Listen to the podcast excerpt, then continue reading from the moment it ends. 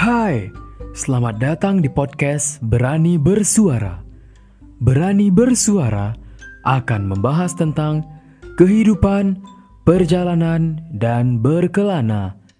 Enjoy the station bersama saya Muhammad Naufal Rizki. Selamat mendengarkan.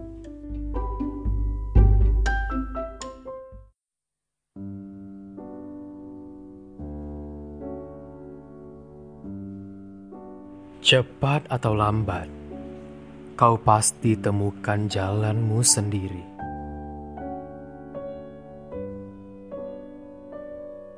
Menuntun langkah kaki sendiri hingga kau sampai pada pelabuhan yang kau tuju. Ini akan menjadi pembicaraan yang panjang. Aku sadar bahwa menemui tujuan yang dicari bukanlah hal yang mudah. Aku perlu kumpulkan segunung mentalitas untuk menerjang segala penghalang di tengah jalan. Tak sadar, aku telah jauh melangkah hingga aku telah sampai di persimpangan jalan. Aku harus pastikan belokan yang kupilih merupakan jalan yang benar-benar aku tentukan sendiri. Karena saat aku yakin akan pilihan tersebut, maka aku akan yakin dan terima pada hasil yang akan kucapai, mau baik ataupun buruk. Aku belum lama ada di permukaan bumi ini. Hingga sesaat aku berpikir bahwa hidup bukan sekedar memiliki nyawa, dan pada akhirnya, saat waktunya telah tiba, nyawa tersebut akan melayang dan mengawang entah di surga, entah di neraka. Antara surga dan neraka, manusia itu sendirilah yang menentukan selama hidupnya.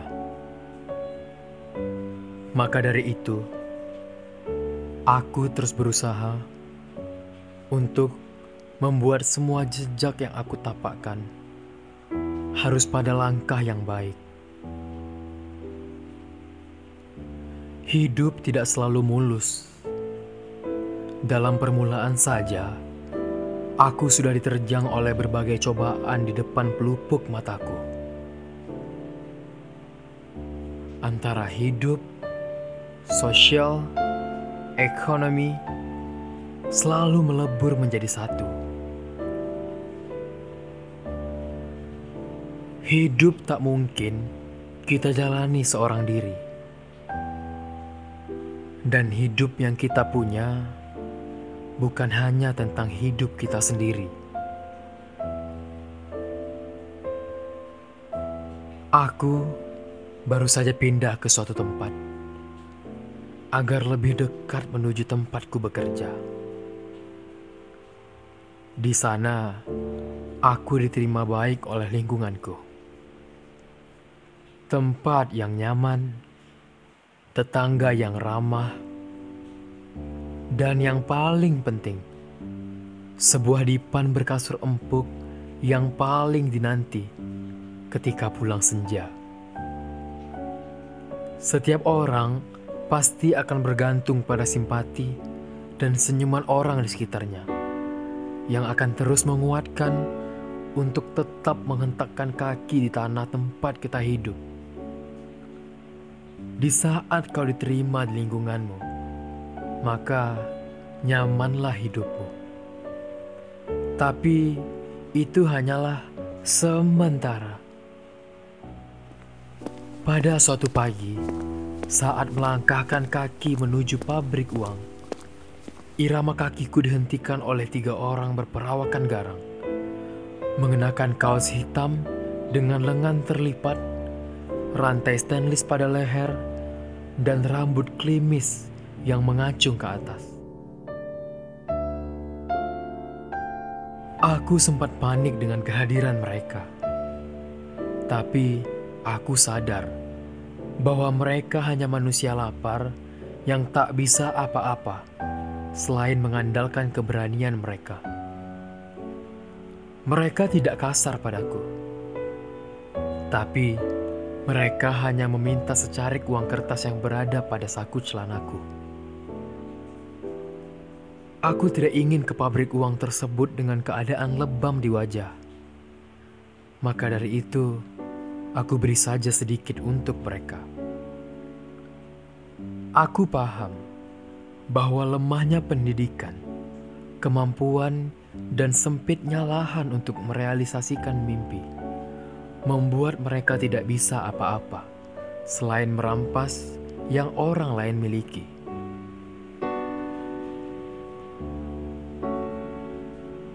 Sebenarnya, ini adalah kriminal.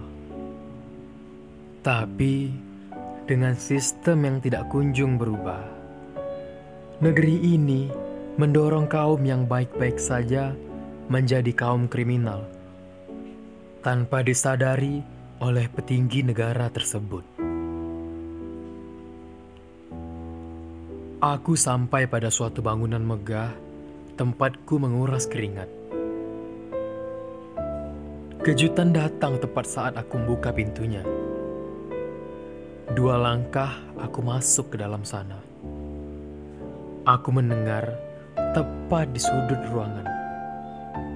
Ada suara dari tiga orang sekawan yang membicarakan tentang kinerjaku yang mungkin membuat mereka iri. Padahal aku sama sekali tidak mengusik mereka. Beberapa hari lalu, Aku mendapat keuntungan atas jabatan yang kudapat. Aku tidak menyangka hal tersebut bisa aku capai. Padahal aku adalah pejuang baru di sana. Ada kalanya akan timbul manusia lain yang mungkin tidak menyukai atas keberadaanmu. Dalam keadaan kau tidak diterima di suatu komunitas, kau tidak boleh mengubah pola pikir mereka tentangmu. Tapi tetaplah menjadi diri sendiri yang kau punya tanpa memikirkan kepuasan orang lain dalam menilaimu. Itulah cara manusia benar-benar menjadi manusia. Hidup pun bukan sekedar bergerak ke sana kemari, menebar senyum dan membagi kebahagiaan. Tapi Hidup juga tentang apa yang kau punya. Saat kau tidak memiliki apa pun, dunia memaksamu untuk terjun ke dasar tanah. Karena orang yang mempunyai hal lebih darimu akan punya kuasa yang lebih besar dan kokoh pula. Maka dari itu, semua yang singgah di bumi harus punya usaha dalam melanjutkan dan mempertahankan hidupnya. Kini, aku benar-benar dalam fase tersebut, yaitu berusaha.